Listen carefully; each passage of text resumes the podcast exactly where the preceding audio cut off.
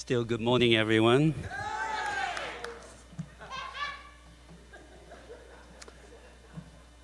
It's a privilege to be here and to lead this church. Uh, it's been about 19 years since God sparked a vision of planting a multi ethnic, multi socioeconomic church right here in downtown Los Angeles. And it's, about, it's been about 16 years since Grace and I started the work uh, preparing to plant and then planting and building this church. And I thought about what to share with you as I depart. And it's so good to see some of the, uh, the OGs here who started um, com- coming back. And so um, I've been meditating on a passage uh, in which Apostle Paul uh, says his farewell to the elders of the church in Ephesus. And uh, I want to use that um, passage to share my last sermon with you. So, Acts chapter 20, verse 17 on. From Miletus, Paul sent to Ephesus for the elders of the church. When they arrived, he said to them, You know how I lived the whole time I was with you. From the first day I came into the province of Asia. I served the Lord with great humility and with tears, and in the midst of severe testing by the plots of my Jewish opponents. You know that I have not hesitated to preach anything that would be helpful to you, but have taught you publicly from house to house. I have declared to both Jews and Greeks that they must turn to God in repentance and have faith in our Lord Jesus. And now, compelled by the Spirit, I'm going to Jerusalem, not knowing what will happen to me there. I only know that in every city the Holy Spirit warns me that prison and hardships are facing me. However, I consider my life worth nothing to me. My only aim is to finish the race and complete the task the Lord Jesus has given me the task of testifying to the good news of God's grace. I know that none of you among whom I'm, I have gone about preaching the kingdom will ever see me again. Therefore, I declare to you today that I'm innocent of the blood of any of you, for I have not hesitated to proclaim to you the whole will of God. Keep watch over yourselves and all the flock of which the Holy Spirit has made you overseers, elders. Be shepherds of the church of God, which he brought, he bought with his own blood. I know that after I leave, savage wolves will come in among you and will not spare the flock. Even from your own number, men will rise and distort the truth in order to draw away disciples after them. So be on your guard. Remember that for three years I never stopped warning each of you day uh, night and day with tears. Now I commit to you and to the word of his grace, which can build you up and give you an inheritance among all those who are sanctified. I have not coveted anyone's silver or gold or clothing. You yourself know that these hands of mine have supplied my own needs and needs of my companions. In everything I did, I showed you that by this kind of hard work, we must help the weak. Remember the words the Lord Jesus himself said it is more blessed to give than to receive. When Paul had finished speaking, he knelt down with all of them and prayed. They all wept as they embraced him and kissed him. What grieved them most was his statement that they would never see his face again. Then they accompanied him to the ship after we had torn ourselves away from them, we put out to sea and sailed straight to Kos. So Paul defended the work he had done among the Ephesians. He reminded them of how hard he has worked among them day and night with tears, he says. Um, you know, and he was a bivocational pastor. He didn't get paid for his work. Um, and he was on his way to Jerusalem. God had called him to go to Jerusalem, and folks were prophesying all over that he would be arrested, jailed, he would serve, he would face hardship and suffering. Yet, that's what he felt called to do. And we know from the story in Acts that he does indeed get arrested. He suffers greatly and ultimately ends up in Rome, uh, appealing to trial by Caesar. And so that's how the story in book of Acts ends. Obviously, I'm not Paul.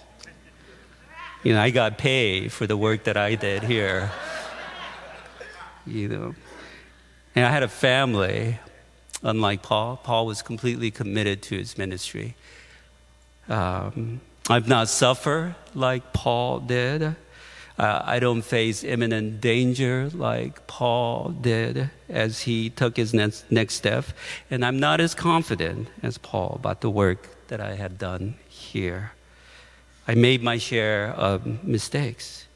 Yet, I felt that this farewell resonated with me.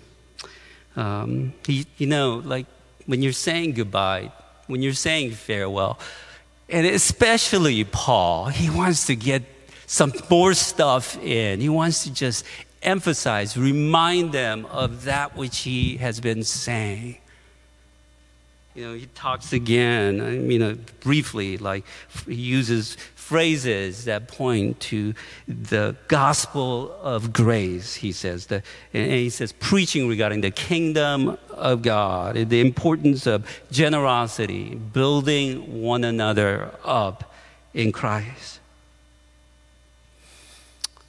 He says, I thought about what to share with you today. That's what I want to do. And um, I want to share um, some words of reminder of that which I've been trying to share with you for the last 15, 16 years. And also share with you what you have taught me over the last 16 years as I served you as your lead pastor. So I, what, I, what, what are things that I just want you to remember as I say farewell to you? And obviously, I can go on in each of these categories forever, so I got to watch my clock. Um, but first, love God. Love God with all of your mind, heart, soul, and strength. You know, to love God means to be honest with God. So be intellectually honest with God, emotionally honest with God. Ask questions. It's doubting and asking questions and digging in and saying, it doesn't make any sense to me. What's going on? This is part of growth. This is how we grow as a Christian. We're not just babies all the time. It's okay to continue to ask questions because that's how you love God with all of your mind and be emotionally honest with God. If your heart is in pain, cry out to God, complain to God. God is not up there as we have preached, you know, just wanting you to, you know, pray to Him this all good prayer, but doesn't come from your heart. Pray a prayer of your heart. The entire book of Psalm is full of prayers of the heart people who complain to God and saying, Why, God? When, God? What's going on, God? And wrestling with God. That's what it means to love God. And give yourself permission to have an authentic, real relationship with God. Pursue real intimacy with God. And know that the greatest and the best picture of God revealed in Scripture is in Jesus Christ. That's what the scripture tells us. We struggle with these multiple, what appears to be multiple pictures of God. But the scripture says the best and the greatest picture of who God looks like is in Jesus Christ. And so from Christ, we see, from Christ, we understand. Christ, Christocentric understanding of who God looks like. I think that's really important. That's what I've been trying to remind you. And this means also that you allow intimacy with God to be a part of your life. Spiritual practices in which you soak in God's love and love and grace for you. You know, Christ died so that you can have a relationship with them. And that relationship means sitting at his feet and being soaked by the Spirit in his love. And so practice silence, practice just prayer, not just prayer of petition to God, but prayer of listening to God's heart, God's love for you. Love God with all of your heart, all of your strength, all of your mind. Second, love the scriptures. It doesn't mean you take it literally, uh, unless it was meant to be taken literally. There are parts of the Bible that was taken that's supposed to be taken literally, and there's parts of the Bible that are not. They're just, you know, poetry, for example. And so we need to learn how to read the Bible, not like an elementary student, but like an adult. We need to read and understand is context because it was written 2,000 years ago, 3,000 years ago, 4,000 years ago. And so the Bible is written for us, but it was not written to us. So we have to understand the context in which it was written to and what was going on, what they were trying to say. And then we can understand what it is for, how it is for us. And so doing the hard work of loving the scripture. You know, some people say, um, you know, I love the scripture, so I'm just going to literally understand everything it says. That is not loving the scripture. Loving the scripture means to go deep and understand when it was written, how it was written, the context it was written, and then doing the hard work of understanding what does that mean for us now?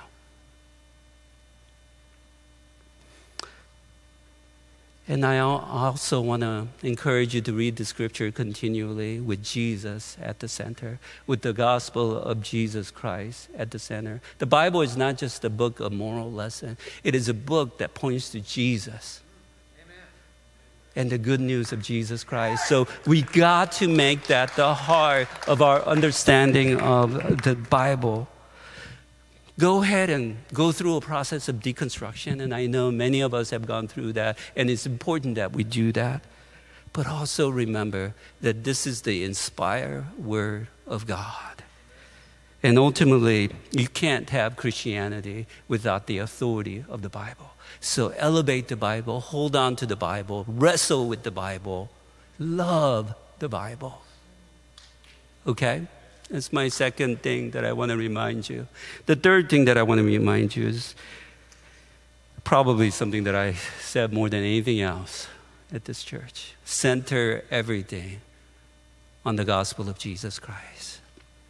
You know, I've been teaching you that gospel is all about Jesus. This good news is all about Jesus, that Jesus came, incarnation came from up there. God became human being, incarnation.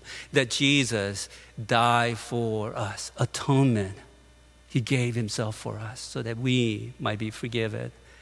That he resurrected, that he ascended, and his coming back to restore everything. That's the good news of Jesus Christ, right? The gospel of incarnation, atonement and restoration.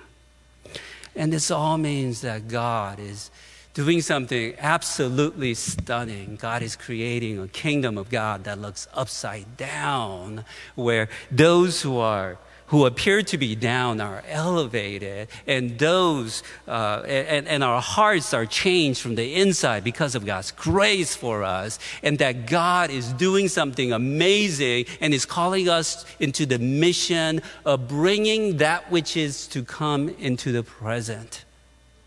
The kingdom of God that is to come into the present, that is our mission. for all of us. What can we do to bring God's kingdom into the present now? And that's what I've been preaching. And what the implications of this gospel of grace is so amazing. It means God loves you unconditionally. You know, absolutely unconditionally. Really, really, really unconditionally, God loves you. Each and every one of you. That means you should love yourself too. Who are you to think that you know better? Love yourself, love your neighbors.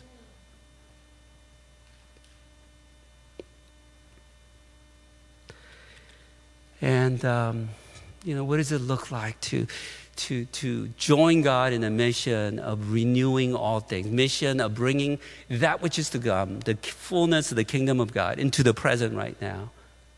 It means, it means to love. It means to dwell in the presence of God and demonstrate God's love and presence in this world. It means to participate in the work of getting rid of oppression. It means to bring healing into this world. It means to bring, bring human flourishing into this world. God is doing something great, and God is calling you to those things. So that's the third thing. Center everything on the gospel of Christ. I can go on forever, but just keep remembering that. Fourth thing is to love the church. Never give up on church, my siblings in Christ.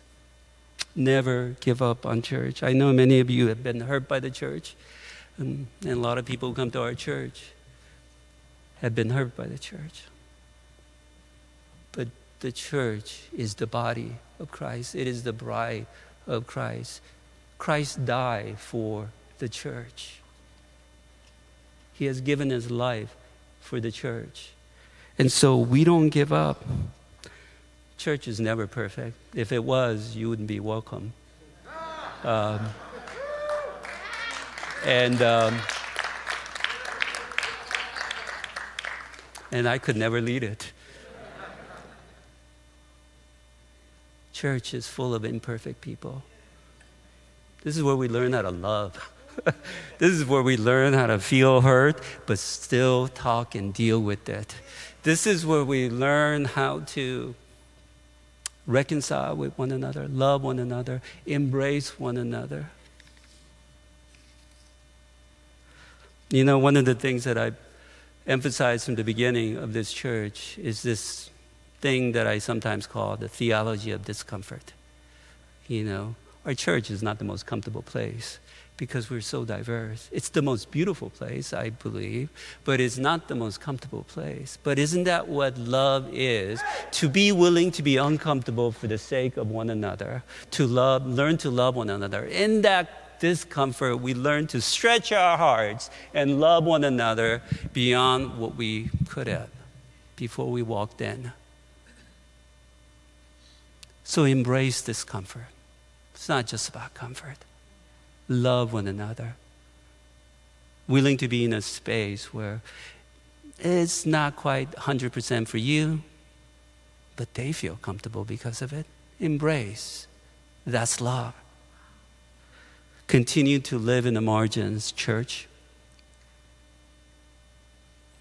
This church was always not a church quite like any other in a sense that from the beginning, the vision that God had given us was to live in an intersection, live in the margin. Not to, not to create a holy huddle and, and, and, and go out there and do ministry and, and love on people and, and just kind of do transactions in which we show compassion. It's important, but that wasn't the vision. Our vision is to live in the margin and embrace and bring everyone together and love one another in community. So continue to live in the margins, siblings in Christ. Include and love. You know, we went from a church that was opaque in its inclusivity of LGBTQ people to, um, to going deep into the scripture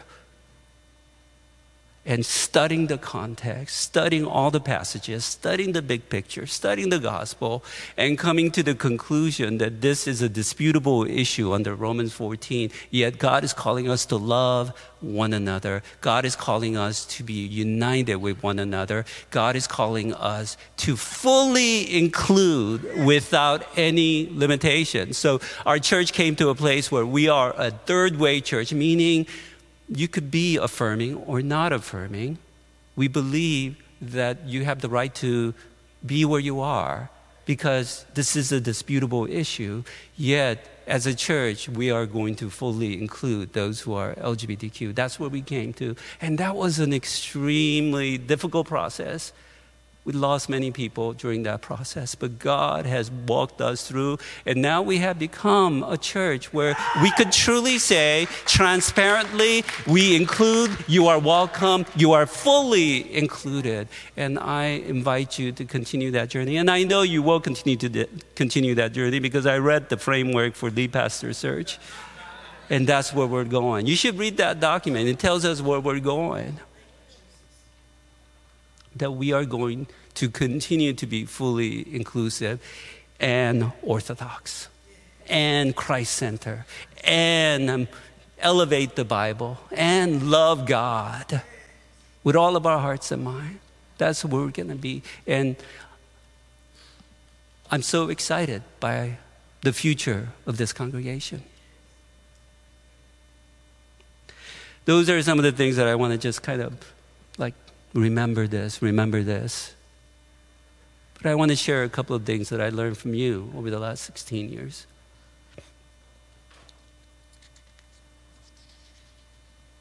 Our experience here is something that we will never experience again. You have stretched, broadened, and deepened my heart and really made it travel, the gospel travel from head to heart.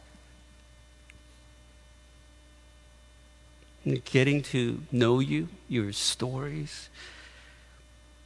That being your pastor, I have the privilege of hearing your stories, walking alongside of you in joy, in your weddings, in your premarital counseling sessions, in, in, in, in, in, in, in birth but also in your times of sadness. And it's been such a privilege. Just getting to know you has been just absolutely remarkable to me. To, you know, I, I remember one time just meeting this guy. I, am not going to name people. but I'm going to genericize it a little bit. But uh, he spent most of his time in prison. Really tough guy tough guy who felt a sense of mission to protect me by carrying a weapon all the time. I, I try to tell him, don't, you, you don't need to carry a weapon. but that was the way he loved me. No, no, no, please. I, I kept on saying no. But he told me that this church changed his life. The gospel of Jesus Christ changed his life. You know, but for New City, I would have never known some of you. You know, but for New City, you would never know some of one another. We would never be in the same social circles, same whatever that we run in. But because God has brought us together, we got to know one another, love one another, and hear their stories, backstories. We got to know people in 3D. And when we did that, you know, we go, oh, our prejudices started to drop. Our biases started to be challenged. Our narratives that we held on to about certain people started to be questioned. And we began to embrace one another. And that's what happened to me. And that's what I learned from you. Like, I think um, Phil was mentioning this, and I mentioned this uh, briefly before, but when the police violence against black men and women were rampant on the news, I think if I had not been at New City, had not known my black brothers and sisters here, I would, I would not have felt what I felt. I would have said, Oh, it's too bad that's going on. But because you were my brothers, you were my sisters, I felt your anger. I felt your emotion. And I stood up with you, and our church began to stand up with you. Because you stretched us. The church stretched me. And just everything, you know, when a transgender sister walking down the street with me, I learned what it feels like.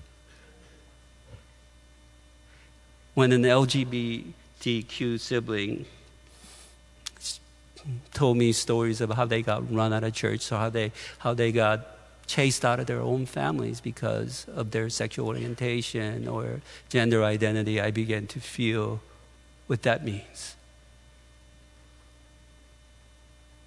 I began to feel love. You helped me love New City. You helped me to understand love in a new way. Also, I appreciated how you have shown up for me and my family. And I love the way you show up for one another. You have helped me experience what love lo- looks like on a day to day. So sometimes it's not, you know, something big, it's just texting one another, encouraging one another, and saying, I'm praying for you, I'm there for you.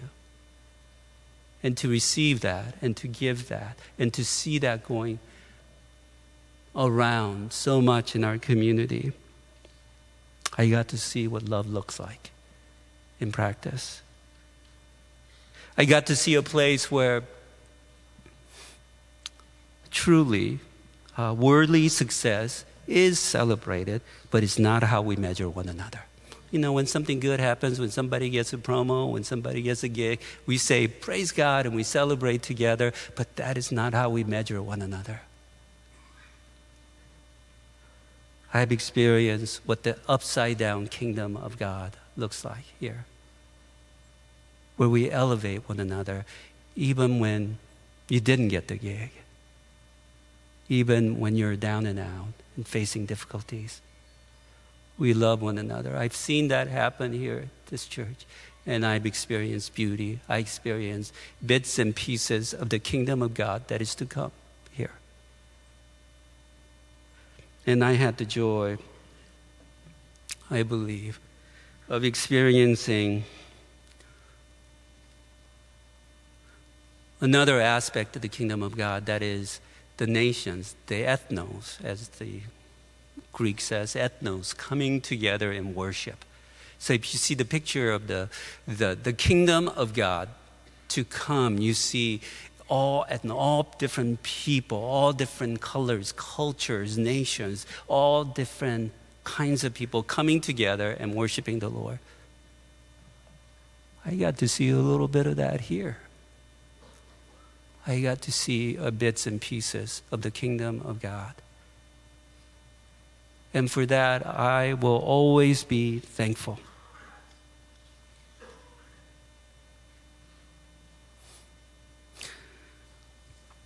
And now, um, time to say goodbye.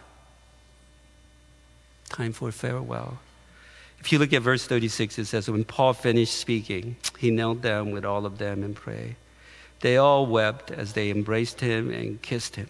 What grieved them most was the statement that they, that they would never see his face again. You'll, you'll see my face. Um, then they accompanied him to the ship um, car. Then, uh, after we had torn ourselves away from them, we put out to sea and sailed straight to Kos. Before I close, um, I, I, you know, Grace, I, I ask Grace to share her farewell with you as well.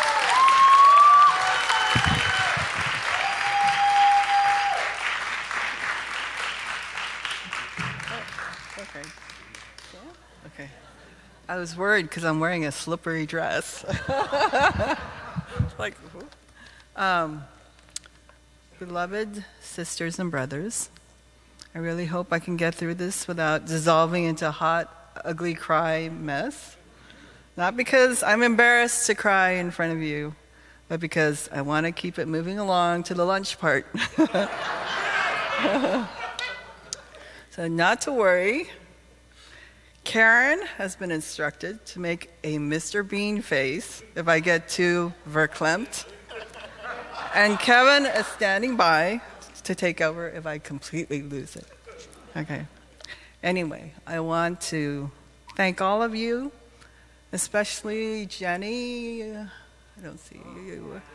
Jenny and, and Kathy, who, um, all of you who have and will put in your precious time and effort to create this special day for Kevin and me and all of us. You are all so kind and generous, and we are very grateful.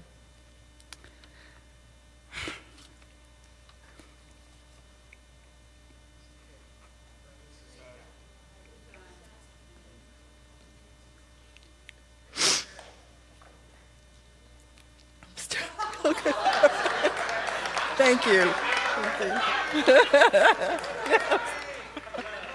All right.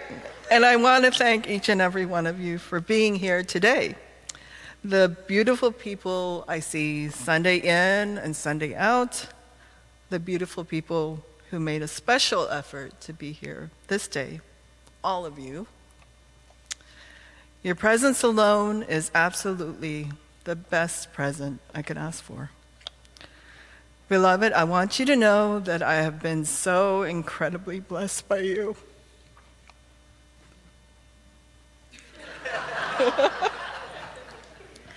Through your spirit and prayers, you're rolling up your sleeves to serve or just showing up, both for me and for others. You have shown me how to love God and others better. I have felt God's compassionate gaze, heard God's encouraging words, and received God's unconditionally loving embrace many times through you. And I have witnessed this for many others as well. Where God is, heaven is. And I have experienced a foretaste of heaven with you all.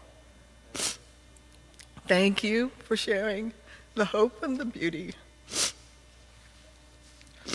of God's love that I have desperately needed that we all desperately need, especially in these times.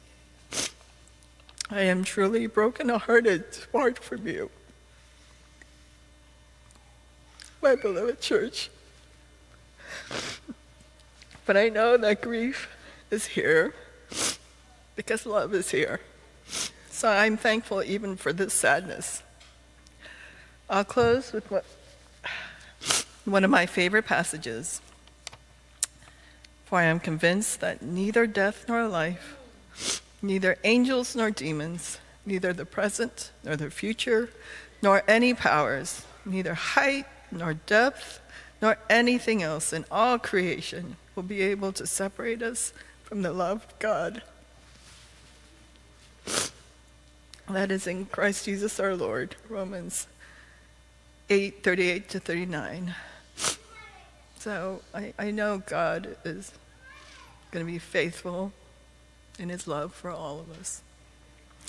And to add that, I'll add this verse. Dear friends, since God so loved us, we also ought to love one another. No one has ever seen God, but if we love one another, God lives in us, and his love is made complete in us. 1 John 4 11 to 12. I will always love you, be praying for you, and blessing you. You can take me out of New City, but you can't take New City out of me.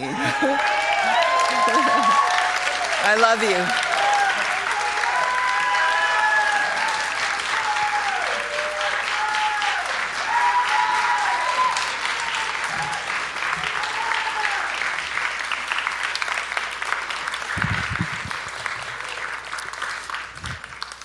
I love that. You can take me out of New City, but you, tend, you can't take New City out of me.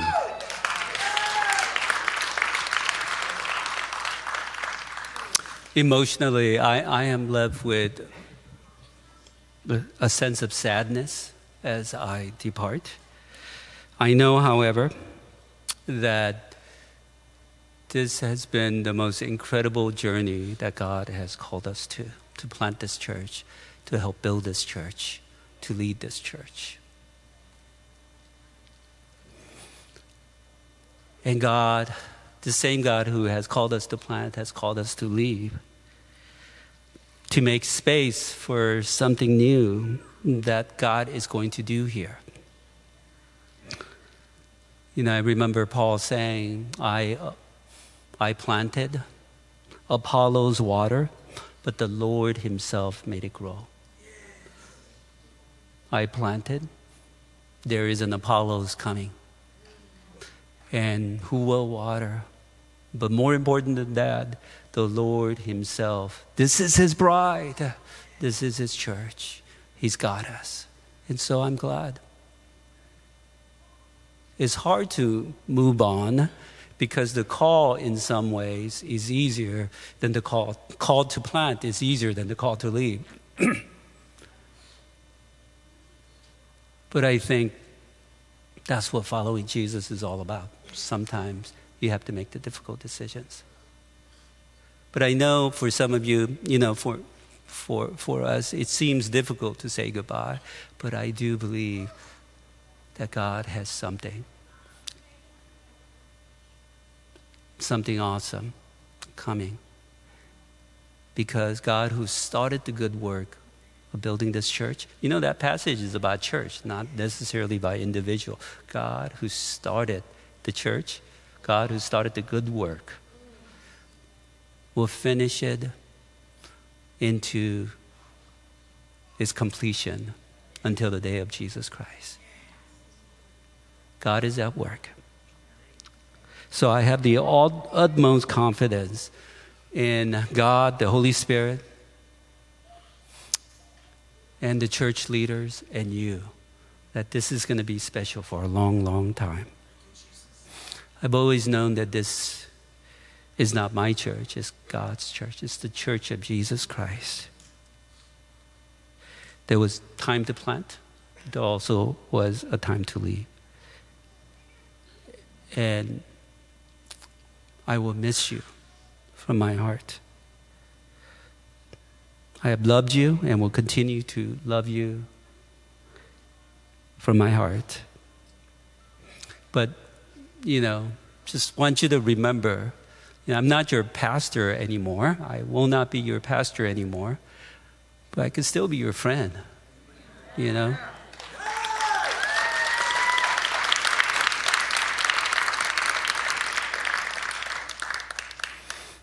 When I went to Israel for the first time, I, I got a tattoo there. Um, I, I, I, know it's not that big. But in this side, it says charis, which means grace in Greek. In this side, it says shalom in, in Hebrew, um, which means peace.